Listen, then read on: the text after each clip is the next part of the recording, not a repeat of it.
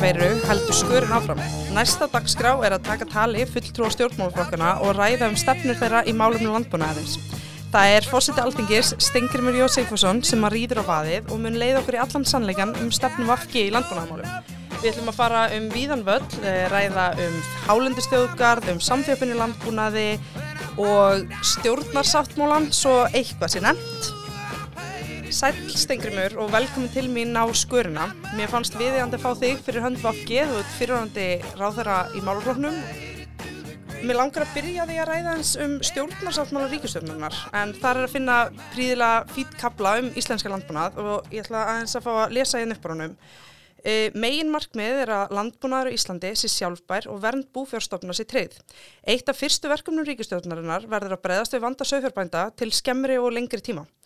Fyrsta spurningin er rauninu bara einföld. Hvað hefur Ríkistjónin gert til að, til að efna þessi orð? E, já, það var náttúrulega verið viðræður og, og einhver endur skoðun á, á búveru samningnum, menn reyndur náttúrulega að mæta þessum bráðavanda á sínum tíma þegar að mesta verðfallið var, síðan hefur ímislegt verið í, í gangi, stefnumótun, matvæla stefna fyrir landið sem við tengjum allavega við í Vafki mjög stert við, við landbúnaðinn e, og síðan stunningur við landbúnaðin í sambandi við kólefnisjöfnun og ímislegt í þeim dúr. En e, minna, mín vegna hefði alveg mátt gerast meira sko. Það, það, ég held að, að hérna, þetta er búin að vera mjög erfið dífa sem sérstaklega söðfjárvættin hefur farið e, farið nýður í og maður hefur áhyggjur af alltaf fyrstu umferð afkomi bænda og ekki síst þeirra yngri í annari umferð einfallega er fjennu að fækka og ásetningur er á niðurleið og, og uh, það er eitthvað sem við þurfum líka að, að, gefa gauma að ef við miss, viljum ekki missa þessa grein en þá meira niður. Þannig að stöðningur þá við nýl, nýliðun og, og svona fjárfestingar aftur og uppbyggingu í greininni þarf held ég að koma til. Mm -hmm. En, uh, en það, ég held að sé nú ekki að segja að, að þessi ríkstjórn hafi neitt uh, vanrægt sko landbúnaðin eða sögfjörðar Nei, en þetta eru stóru orð að segja að eitt af fyrstu verkefnum sé að breyðast við vanda til lengri og skemmri tíma. Já, en það var hann auðvitað mjög í umræðinni þarna höstu 17 þegar, þegar þessi stjórnarsáttmáli eða veturinn. Og er náttúrulega bara ennþá í rauninni, það Já. er ennþá sama, eða svona svipu staða uppi, hún er ekki, Já, hún ekki nógu góð. Lagast, hún hefur alls ekki lagast nóg en þó hefur hafa verðin verið aðeins að koma tilbaka en, en þá ennittir að vinna upp mikinn mun á raunverði til bænda sko, borið saman við það sem var áður en að verðfallið hófst. Þetta ríkalega verðfall sem var þarna sérstaklega árin 16-17 ekki satt? Mm -hmm. um, Já. Um, Áður en við höldum lengra þá langar mér svona að spyrja, byrja þig kannski bara í svona frekar stuttum álega að segja hverjar eru svona í þínum huga helstu áherslu vafki í hérna landbúnaðamálum Já, ég held að við höfum haft nokkra sérstöðu alveg bara frá byrjun að við höfum alltaf tengt mjög saman okkar umhverfis áherslur og eh, áherslu á sjálfbara þróun og okkar sín á landbúnaðin og litið á hans en hluta af því að, að innlend matvælaframleysla væri, væri samofinn því sem við vildum sjá gerast í í sjálfbæri þróun átt til þess að atvinnustar sem í landinu almennt er því sjálfbær og, og í meiri sátt og betra sátt við umhverfið. Við erum líka flokkur sem vil stiðja byggðum um all land, það hefur alltaf verið í okkar áherslum.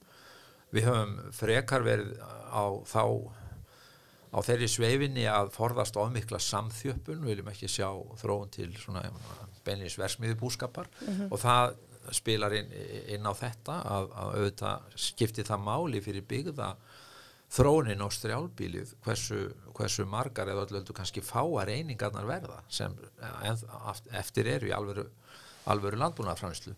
Nú auðvitað höfum við uh, haldið á lofti merkjum lífrænslandbúnaðar og, og grænmetis og garðirkju og ekki síst Þannig að, að við verðum að reyna að, að, að tala fyrir þessum sjónamiðum og ég held að það, þess sjáist meðalann staði í stjórnarsáttmálum sem vorum að tala um áðan að við lítum þessum augum dálta mikið á landbúna en teljum að gríðarlega mikilvæg fyrir sjálfbara þróun, fyrir fæðuröryggi, matvælaöryggi og, og síðast en ekki síst viljum við auðvitað ebla rannsóknir og þróun og að þetta verði í vaksandi mæli sem þekkingar grein eins og, og atvinnugreina framtíðanar almennt munu verða mm -hmm. að það er lífsnauðsin líka fyrir landbúnaðin að það sé vel hlúð að mentun, rannsóknum og þróun og það er eh, heilmikið um það fjalla líki okkar landbúnaðastefnu. Uh, já, þannig við viljum öflugan, nútímanlegan uh, landbúnað í góðri sátt við umhverfið og lítum á það sem hluta bara af, af, af já, eiginlega sjálfsmynd þjóðarna, sjálfsmynd Íslands að þannig sé Ísland að byggði í sveitunum og, og öll tækifærin og möguleikarnir sem tengjast í líka til dæmis í, í tengdum greinum, ferðarþjónustu og alls konar nýsköpun. Það að mínum ætti mætti hlú en, en þá betur að sagt, meiri úrvinnslu uh, og, og nýsköpun í, í svona fullvinnslu og þróun vörnar til að lengja virðiskeðjuna sem að verður eftir í strjálbílinu það er ákala gaman að sjá hluti gerast eins og móður jörð. Við getum tekið það og þá vöru þróun sem að þar er í kring. Að nú er það ekki bara þau sjálf sem er að framleiða náttúrulega uh, frábærar vörur úr, úr sinni ræktun heldur eru aðrir farnir að nota lífrand bygg frá þeim í mjölkurframleyslu eða eitthvað slíkt. Það, sem mest af þessu vildi maður auðvitað vilja sjá. Mm -hmm. þannig að það þarf að vera hægt að styðja með sæmilega myndu um hætti við slíka nýsköpun mm -hmm. Það er sem sagt, ég las uh, stefnun ykkar á heimasíðunni og það er einmitt farið bara mjög víðanvöll og komið inn á uh, þetta sem þú nefnir hér. Það er líka talað um græna búskaparætti og dýravelferð og hvernig tengjum við það landbúna styrkjum. Hvernig sérðu það fyrir? Já, við, bara nærtagt dæmi væri náttúrulega orkuskiptin til dæmis núna sem við þurfum að ráðast í sem þjóð og eru, eru komin á fulla ferð að skipta út jarðefnaelsniti í umferðinni. Og ég vil endilega sjá sem mest gerast líka í landbúnaðinum að þessu leiti og þar er hægt að gera mjög margt. E, það, er, það er til dæmis e, allt og mikið verið að nota já, hvað, hvað ég tekka díselliftara í staðan fyrir ramagn og mennur, þetta eru tæki sem er notað næstum daglega kannski þar sem að mennur að hantera stóra rúlur og svona. Það, það, er, það er hægt að gera held ég alveg heilmikið en þá þarf kannski stuðning við það í sambandi við og meðan afkoman er kannski ekki góð já, í öllum greinum og þá er ekki hægt að ætla þess að menn fari miklar fjárfæstingar en, en þá kemur líka innvíðunum okkar og þar þarf að taka til hendinni sem betur fyrir hefur nú þáttir svo með öllu ílt má segja. Þetta óveður í desember hefur nú ítt hressilega viðmönnum þar þannig að vonandi sjáum við mjög góða hluti gerast í samvætti við uh, það að að raflínur fara í jörð og þryggjafassa rama kemur þó almennt í strjálbilið á allra næstu árum í staðan fyrir að það stemdi að það tæki 15 ári viðbútt. Mm. Það leggur aftur grunin að ymsum möguleikum uh, í þessa veru. Ég hef alltaf verið frekar lindur því ef aðstæður eru að menn, menn, menn reysi sínar smávirkjanir og framleiði sitt ramag sjálfur þá er náttúrulega hægt að búa til svo glæsileg dæmum, svo mikla sjálfbærni. Ef þú ert með þína eigin umhverfisvænu endur nýjanlegu orgu og getur svo nýtt hana í það að, að, að, að breyta úr jarðefnaelsniti yfir, yfir í þannig eh, orgugjafa þar sem að það er mögulegt Þannig ég held að séu heilmikli möguleikar í þessu fyrir utan það sem allir tala um og, og, og er ofalega á baui skórakt landgræsla og, og kólefni spinding. En varðandi dýravelferð, uh, hvernig er hægt að tengja það hérna landbúnaðstyrkjum? Já, það, það, það má segja kannski einhverju leiti hafi það verið gert en þó með litlum, í litlum mæli til dæmis aðstofamenn við það að mæta kröfum um aðbúnað dýra, nýjum aðbúnað reglum. Við viljum hafa þetta þannig að það sé fyrstaflós meðferð á á dýrunum og dýravelferð sé hafði öndvegi, það, það er nú búið að leiða það reyndar í lög og, og á allt að vera í þeim dúr en það kallar á framkvæmdir og fjárfestingar semstar sem menn þurfa þá að fá stuðning við. Og það kemur inn á annað sem ég held sé nú nefnt líka okkar stefnu að, að við værum alveg tilbúin til að færa eitthvað af þessum hefðbundna stuðningi eða breyta einhverju leiti útfæslum á hefðbundum stuðningi yfir í að hluti af því, meiri hluti af því væri fjárfestingastyrkir, væri uppbyggingastyrkir uh, í þáu svona þróunar, grænar sjálfbærar þróunar. Mm. Þannig að það eru alveg, auðvitað eru tæknilega leiðir í, til þess ef viljin er til staðar. Mm -hmm. En þú komst inn á samþjöppin í landbúnaðan og það kemur fram í stefnun ykkar að að hérna, það, er bæði talað um að, að hérna, það er að forðast að, að jarðir sapnist á farahendur sem og kvóti og greiðslumark.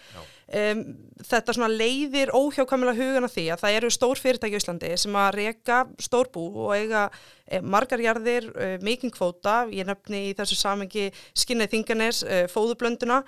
Er það ákjáslegt að þínu mati að svona aðlar annist rekstur á ímest söðfjöru eða kúa hérna, búum og séu þannig handafar greiðslumarks með tilhengandi hérna, greiðslum úr ríkisjöði? Ég tel það mjög mikið um þessu nefnir, út líka ekkert að, að, að tala út frá þessum nafngreindu Nei, ég bara, bara tek þetta sem veit, dæmi, veit. það eru svo sem fjölmörg önnur dæmi. Ég hef miklar efasendur um að það sé þróun til farsaldar og hef alltaf haft.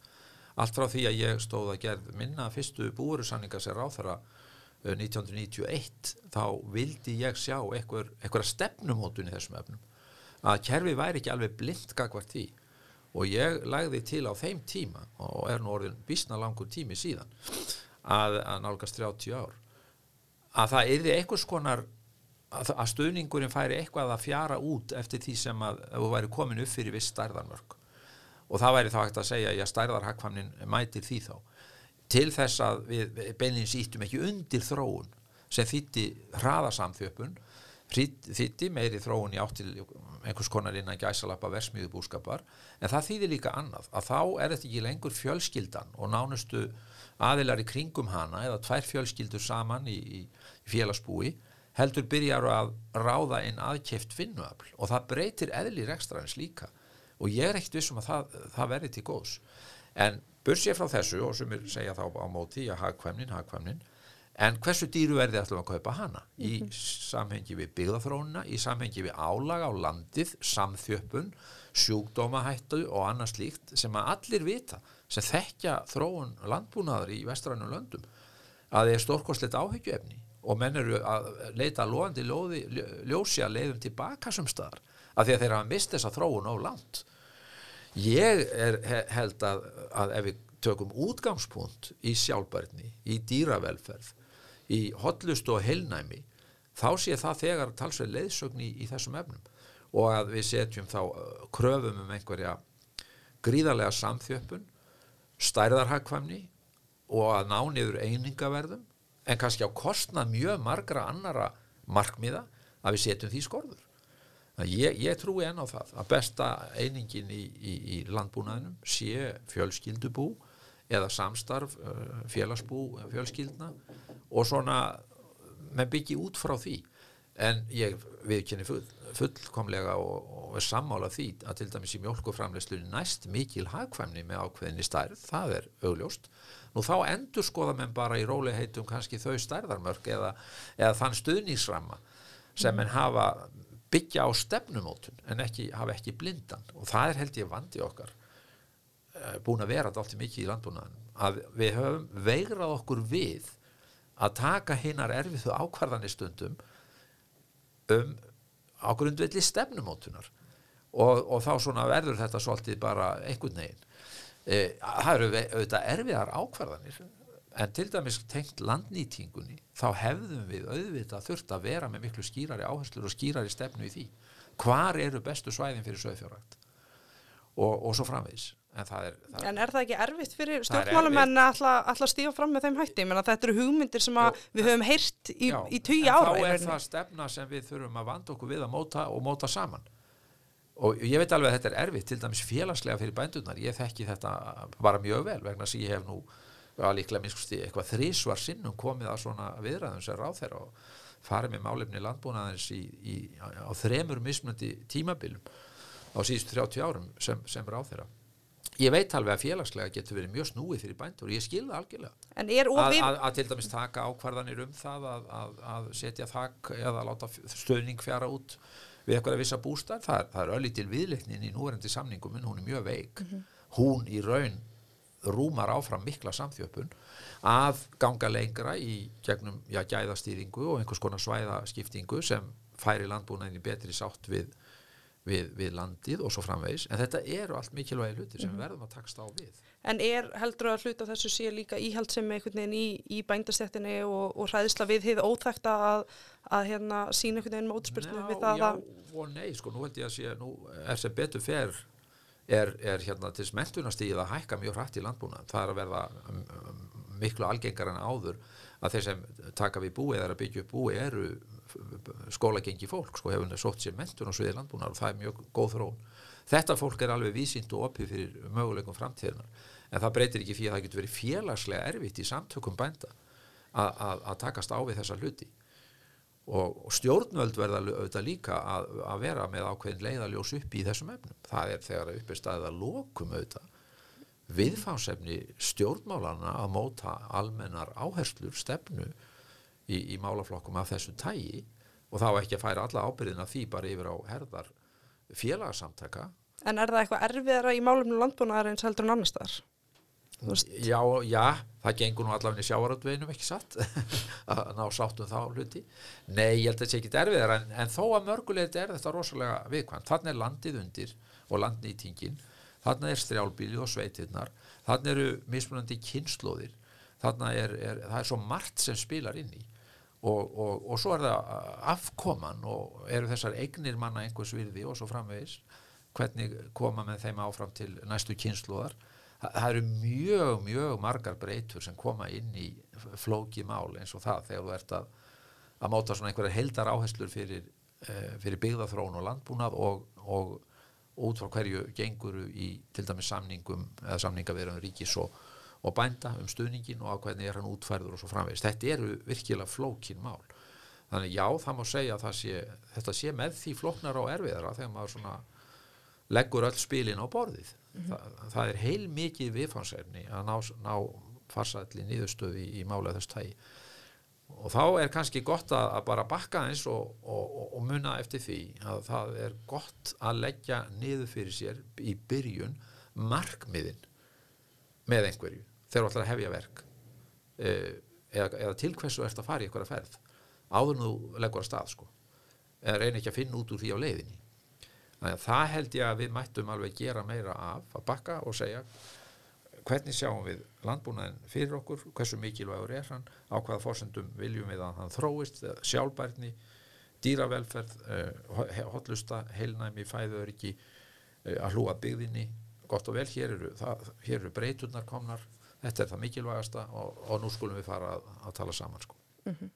En til að við klárum aðeins þetta með samþjöfnuna, mér langaði bara að koma inn að það fjárfesting í greinin er líka mikilvæg. Uh, við viljum að fjársterkir aðilar og stórfyrirtæki hafi trú á landbúnaðinum og kjósi að, að koma með fjármagnan inn. Hva, veist, hvernig er hægt að útfæra þetta til þess að vel, vel eigi að vera? Já, þú svo sambúð er erfið vegna þess að, að ég held að ungt fólk sem að alltaf sjálft að byggja upp fyrir sitt sjálfsabla fyrir og eða uh, bara nota svo sín, sín afkoma og komandi árum til að afskrifa fjárfestinguna. Það er með aðrar arðsemis kröfur í huga heldur en kannski stórfyrirtæki. Það horfir öðruvis á þetta og það er bara eðlilegt. Og, og, og, og holt og bolt í landbúnaðinu þá erum við ekki að ætlast til einhverjar, einhverjar 10% arðsem af eigi fyrir á ári sko, er það? Ég held ekki. Þannig að, að þá, þá kemur að því að þetta er, þetta er sko, þetta er ekki hvernig á ég eiginlega orða þetta. Þetta er ekki hefðbundi business. Þetta er líka lífsmáti þetta er líka val í þeim efnum.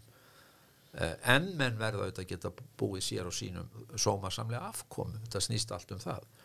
En ég held að, að, að það þurfi ekki endilega að horfa á það allt saman sem sem sko áv, ávöxtun eða arðsemiskröfu á eigi fyrir eins og mann gerir í hefðbundnum fyrirtækjarestri mm -hmm. það er svolítið öðruvísi og að landbúnaðurinn hérna, á mjög erfitt með að keppa þá við slíkt ef fjársterkir aðilar segjum bara þessi að veð, veðja á, á það að land verði vaksandi verðmæti á komandi áratugum þá keppir búskapurinn í dag ekki við það. Einhverja, einhverja spekulatífa fjárfestingu sem er tilbúin að borga óhefmi mikið fyrir land, fyrir jarðir vegna þess að menn rekna með því að, að, að, að það verði mikil verðmæti hér inn í framtíðinni með eh, vaksandi fólksfjölda í heiminum og með eh, aukinni eh, matarþörf og með því að výðerni er að verða mjög fágett, gerðsemi og svo framvegs og svo framvegs.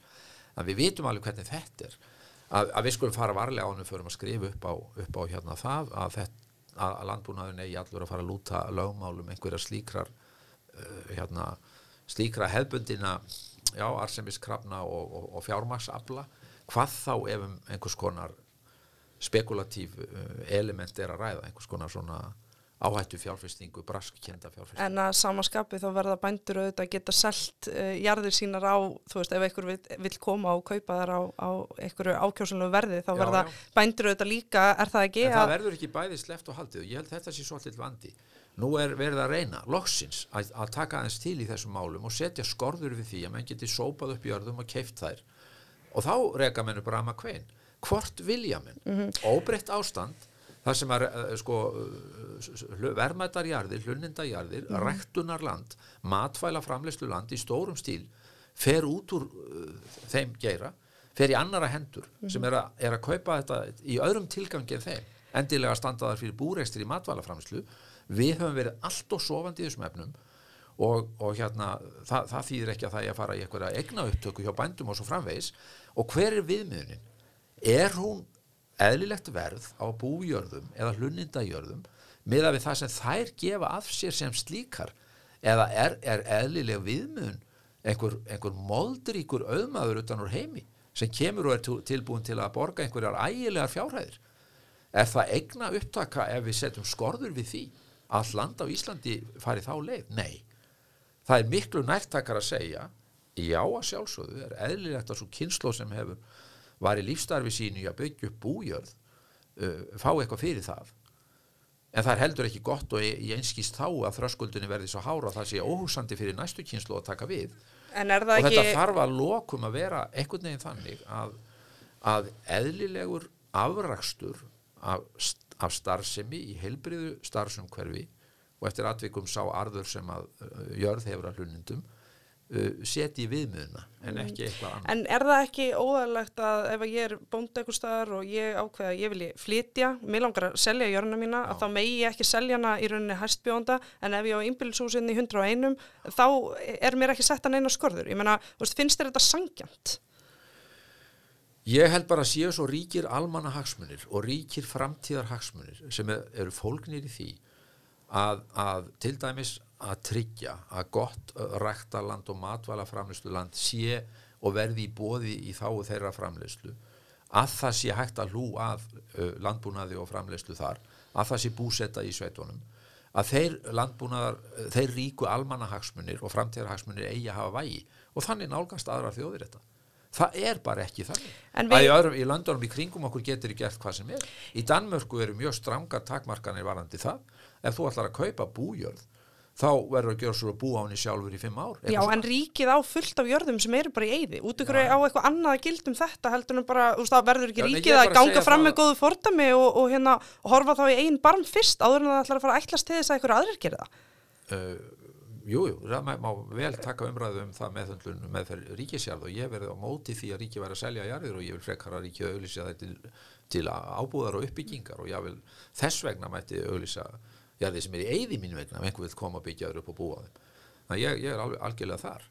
En, en al- ég, ég bakka ekki með hitt að það er í þáu almanna hagsmuna, þeir eru miklu ríkari hér heldur er þröngir enga hagsmunir einnar kynsluðar og veltum þá því bara fyrir okkur er það eitthvað óskaplegt réttlæti að ein kynnslóð sem kannski nýlega tók við bújörð af og, og kynnslóðunar og undan eru búin að byggja hana upp bújörðin var afhent á milli kynnslóða á, á bara þessu venjulega verði sem að bújarðir standa undir og búrekstur stendur undir.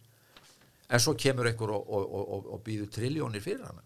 Er það, er það eitthvað eilt réttlæti að menn, að menn labbi í burtu með það? Það er nefnilega þannig að svona hlutir eru bara seldir einu sinni. Það er bara þannig. En það lítur að vera stjórnmálun að marka þessa stefnu. Já, það er stjórnmálana að marka skýra ramum þessu. En á þessu þurfa auðvitað líka bændur og félags, félagssamtök þeirra hafa skoðun. Ég viðkynna að þetta er erfitt en menn með ekki endalust hörfa undan þá getur farið mjög illa. Og ég hef alveg svakalegar áhyggjur af þróuninni og hún er búin að vera núna aftur undanferðin eitt og ár og maður hafði slíkar áhyggjur fyrir hrun, árunum fyrir hrun þá komst það því miður í tísku hjá auðmönnum, aðalega íslenskum að fara að kaupa, kaupa upp jarðir. Svo fór komu, komu businessmenn inn í þetta og ætluðu að fara að sópa saman jörðum og, og, og koma höndum yfir framlýslu kvóta, sérstaklega í mjólk af því þeir sá í því viðskiptatækifæri keftu jarðirnar á verðum sem að, að aðri bændur réð ekkert við og við munum nú kannski hvernig það fór svona að- mestu leiti allt í hennu voru, voru tugir ef ekki hundruður jarða komin í eigu banka á Íslandi.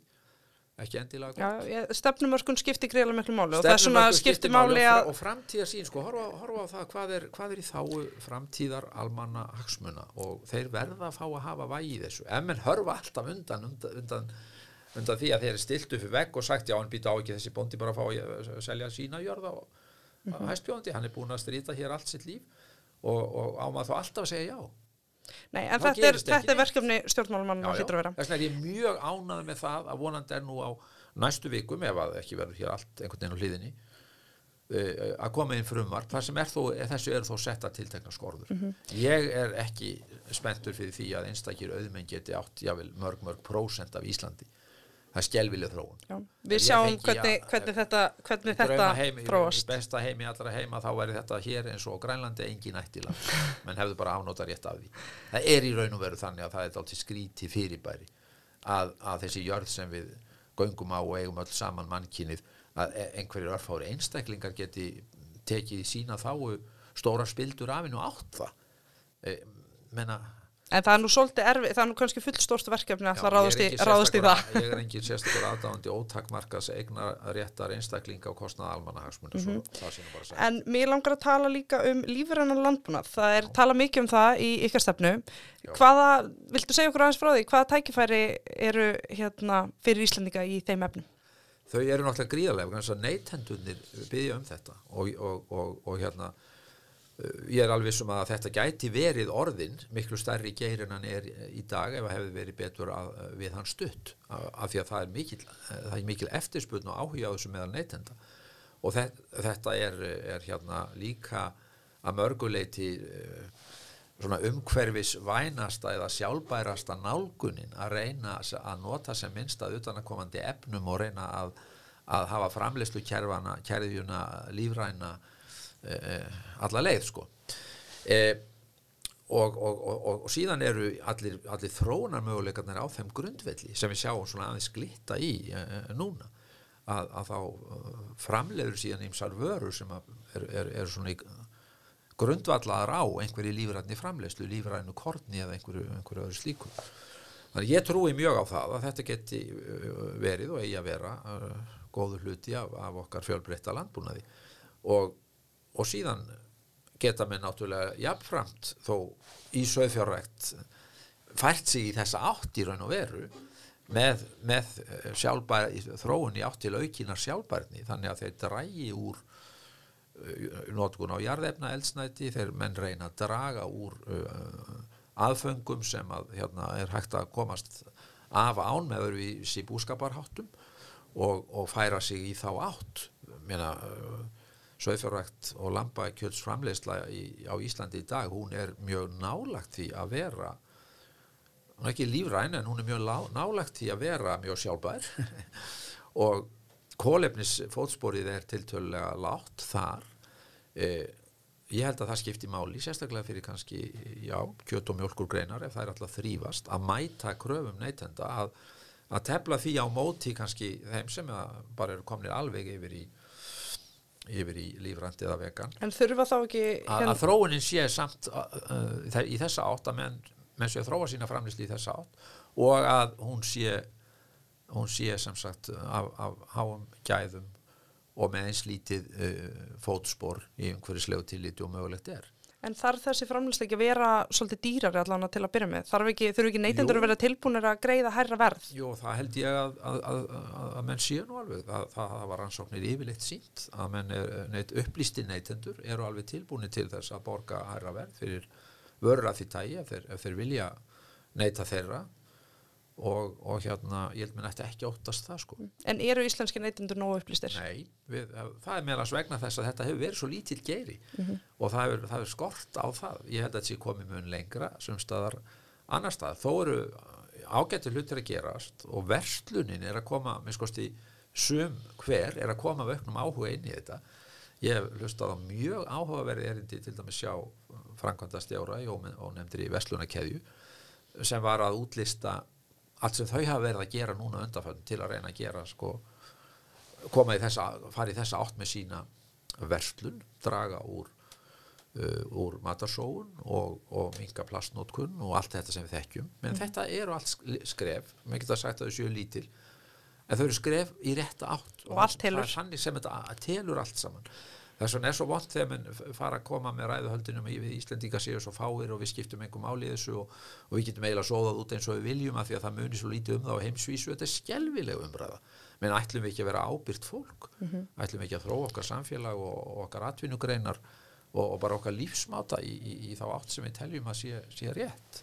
Við höfum tækifæri til að vera bara leiðandi á þessu alveg- sviði. Við höfum risavaxið tækifæri. Ísland á að geta orðið eiginlega algjört drauma og fyrirmyndar land í þessum efnum af því að við erum svo gæfusum að búa í þessu og hafa fengið að láni þetta dásamlega land, auðvögt að sjálfbæri endurnýjanlegri orku og að mörgum öðrum hlutum. Menna Ísland, Ísland hérna hefur tröllvaksna möguleika líka á sviði matvælaframlislu, bæði ræktun, útiræktun og gróðurhús og, og, svo, og svo bara já, við getum breytt söndunum okkar í kornakra, ég meina það, það eru eiginlega ótæmandi möguleikar í Íslandi. Og hver skildi nú segja að þetta gæti ekki einmitt átt eftir að verða bara eina mestu öllendum Íslands eftir 30 ár, 50 ár það er að hafa hérna landrými og þrátt fyrir allt næjanlegt lálendi til þess að við gætum þess vegna stór aukið matvælaframslu hérna. orðið verulegir útlítjendur á, á því sviði En við ættum kannski að byrja á því að metta bara inn, inn, innlenda Já, já. markaðin. Og- og Áður en að við förum til að horfa- til þess. í grænmetinu og, og gróðursaframlistlunni og grænmetinu það getur við gert miklu betur Mhm. það, það, við með þess að vera að tapa heldur markaslut deild í sumun teg, tegundum sem er ekki gott uh, og þar held ég að líki gríðarlega möguleikar ég, ég reyndar þá trú að það sé sá geiri landbúnaðin sem að ætti að geta vaksi mest á komandi árum Mhm. uh, það sé það sem teng, tengist rektuninni E, núna hefur landbúnaðaráður að gefið út hérna, það að hann vilji ráðast í gerð landbúnaðarstefnu Íslands. Já. Hvaða atriði eru það sem að Vafki vill helst sjá að komi stað í, í þeirri stefnu? Ég held að við viljum sjá mjög samþætt umhverfis áherslunar, aðgerðir í þá lofslagsbarattunar og, og sjálfbærni eh, flettaða inn í landbúnar og matvælastefnuna. Muna eftir því að, að, að þetta er um leið matvælastefna fyrir landið og ef, ef við lesið í gegnum okkar plögg álíktanir frá undan gengnum landsfundum þá er þetta mjög sterkur þráður. Þannig að við myndum vilja sjá heilstaða nálguna þessu tægi sem að væri svona, væru leiðarljósin í slíkri stefnumótun og það er auðvitað verið að vinna í þessu, það er heilmikil vinna búin að vera í gangi í sambandi við mótun matvæla stefnu fyrir landið. Hvenar fá að sjá? Veistu, hvenar Ég það mun að líta á var að dagsins vona að ljós? það ætti að fara að líta koma sko, því ég hef aðeins reynd að fylgjast með því sko, bara spurt fregna af gangi vinnunar ég, og ég veit að það er búin að vera heilmikil vinna í gangi. Ég held að hljóta að vera núna á næstu mánuðum allavegna og, eh, og, og síðan er eh, sko ég, við erum nú mynd á það þessa, á þessum miklu óvissu tímum núna að rifjast margt upp og, og sumt er líkt með því sem var 2008-2009 þar á meðal það þá mun allir eftir landbúnaðinum og matvælaframlýslinu og hugsa guðsílof fyrir það að við erum þó þetta vel sett að við erum að framlega hér heilmikið að matvælum og, og eigum þau trygg svo lengi sem við getum þá látið þá framleiðslu ganga. Og þetta er ágætt fyrir þjóðina þó ætti ekki að þurfa svona dýrar, sko, dýr, dýrar leksíur til að minna menn á þetta. Þetta skiptir máli þetta, og þetta mun væntalega skipta vaksandi máli á komandi árum. Því miður er, eru horfurnar þær að, að stór svæði nattarins verði eiginlega óbyggilega allavega ómöguleg til framleiðslu og rektunar uh, og, og þau svæði heimsins sem eftir standa og hafa þá áfram möguleika þau verða enn mikilvægar í þessum efnum. Við erum að líta pínu til nattarænt á þetta líka, sjá okkur sem uh, í, í stóra samhenginu líka og horfa á landbúnaðar og matvælastefnu Íslands út frá því. Hvernig ætlum að ráða við að fæða þessar, þessar nýju miljardar manna pluss eða hvaða nú verður hér eftir 20, 30, 40 ár? Og, og hvað möguleika eigum við því? Því það er ekkert að því að, að, að horfa líka á það í leiðinni. Og það skildi nú ekki fara að- svo að við gætum átt við gætum lagt bara verulega mörgum með því að nýta auðlindirna sem við höfum hérna, landkostina uh, en á skinsamlegan hátt E, mér langar að lokum, af því að núna er tíminn að hlaupa frá okkur, að spyrja þið aðeins út í hálendistjóðgarð. Já, Guðmund Ringi, umhverfisára og flokksbróðir þinn hefur eh, gefið það út að hann vil stopna hálendistjóðgarð af áður óþæktri stærðagráðu. Það eru söðfjörbændur aðal á Söðurlandi sem að hafa risið upp og bara líst miklum áhugjum sínum yfir, yfir þessu. Mm, er umhverfisára að ganga of langt að þínu mati eða hvað?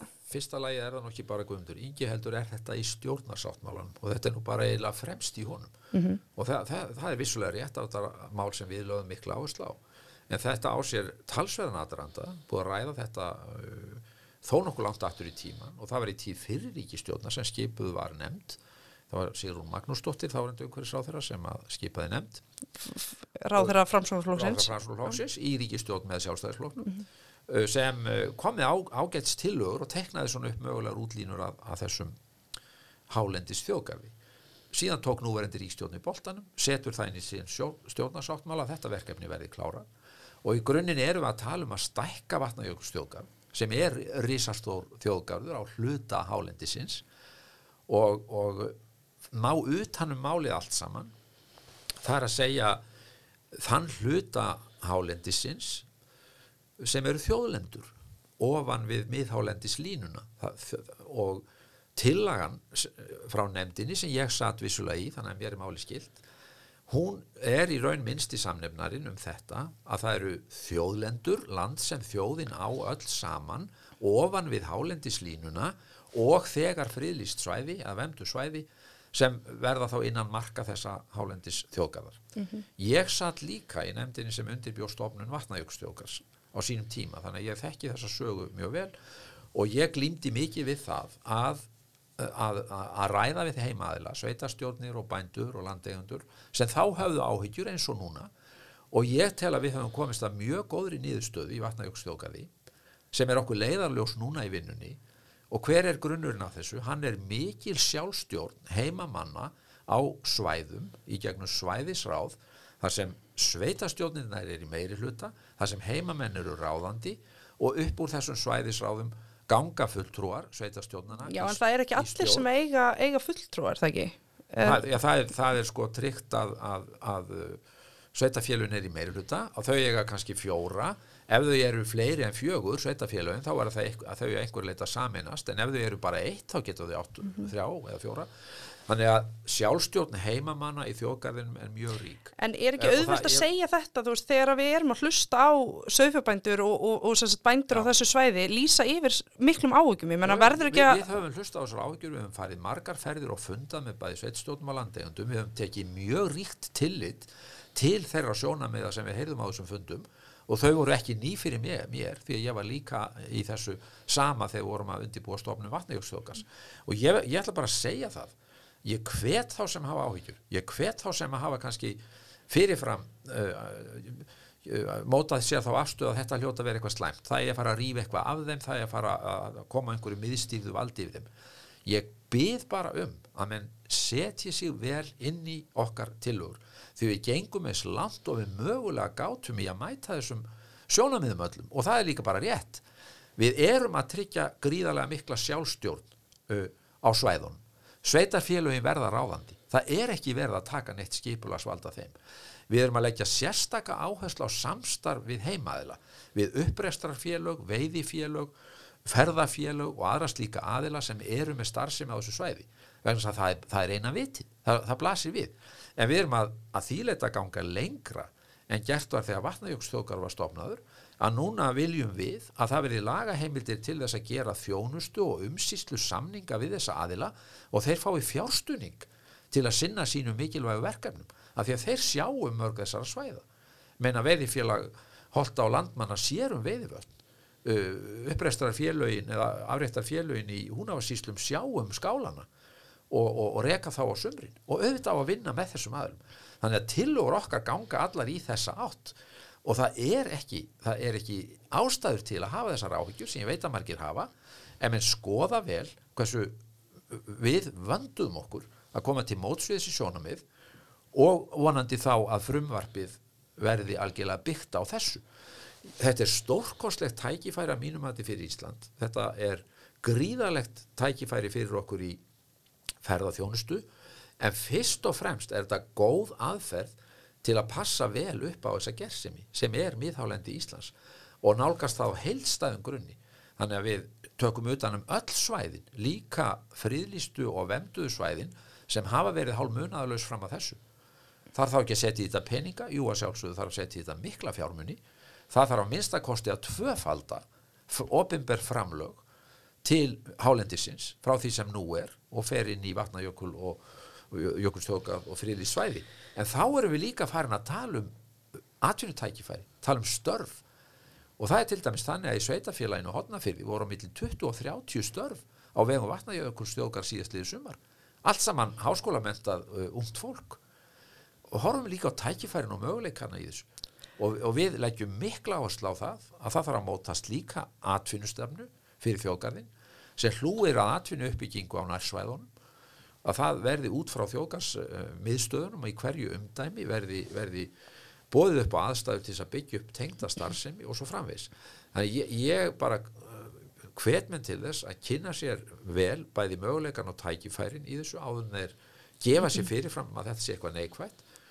Ég tel að þetta sé alveg gríðarlega stórt mál og við sem núverandi kynslu í landinu ef, ef, við, ef við gerum þetta vel og myndarlega þá verður okkur þakkað á komandi kynslu og það er ég vissum. Já, mér finnst þetta góð loka orð, Stengurur. Ég hérna, takk kærlega fyrir að koma til mín og bara, já, Já. gangi er vel með framhaldið. Kæra þakki, þetta var gaman. Takk. Ok. Ég er bara virkilega ánað með að fá að ræða af, ástríðum landbúnað þó ég sé svona mestuliti hættur í dagstælið pólitík sem fórstu alþingis þá finnst mér gaman að, að, að fá að Já, er ekki bara aðeins gaman að fá að, fá að skipta um Að umhverfi. sleppa út úr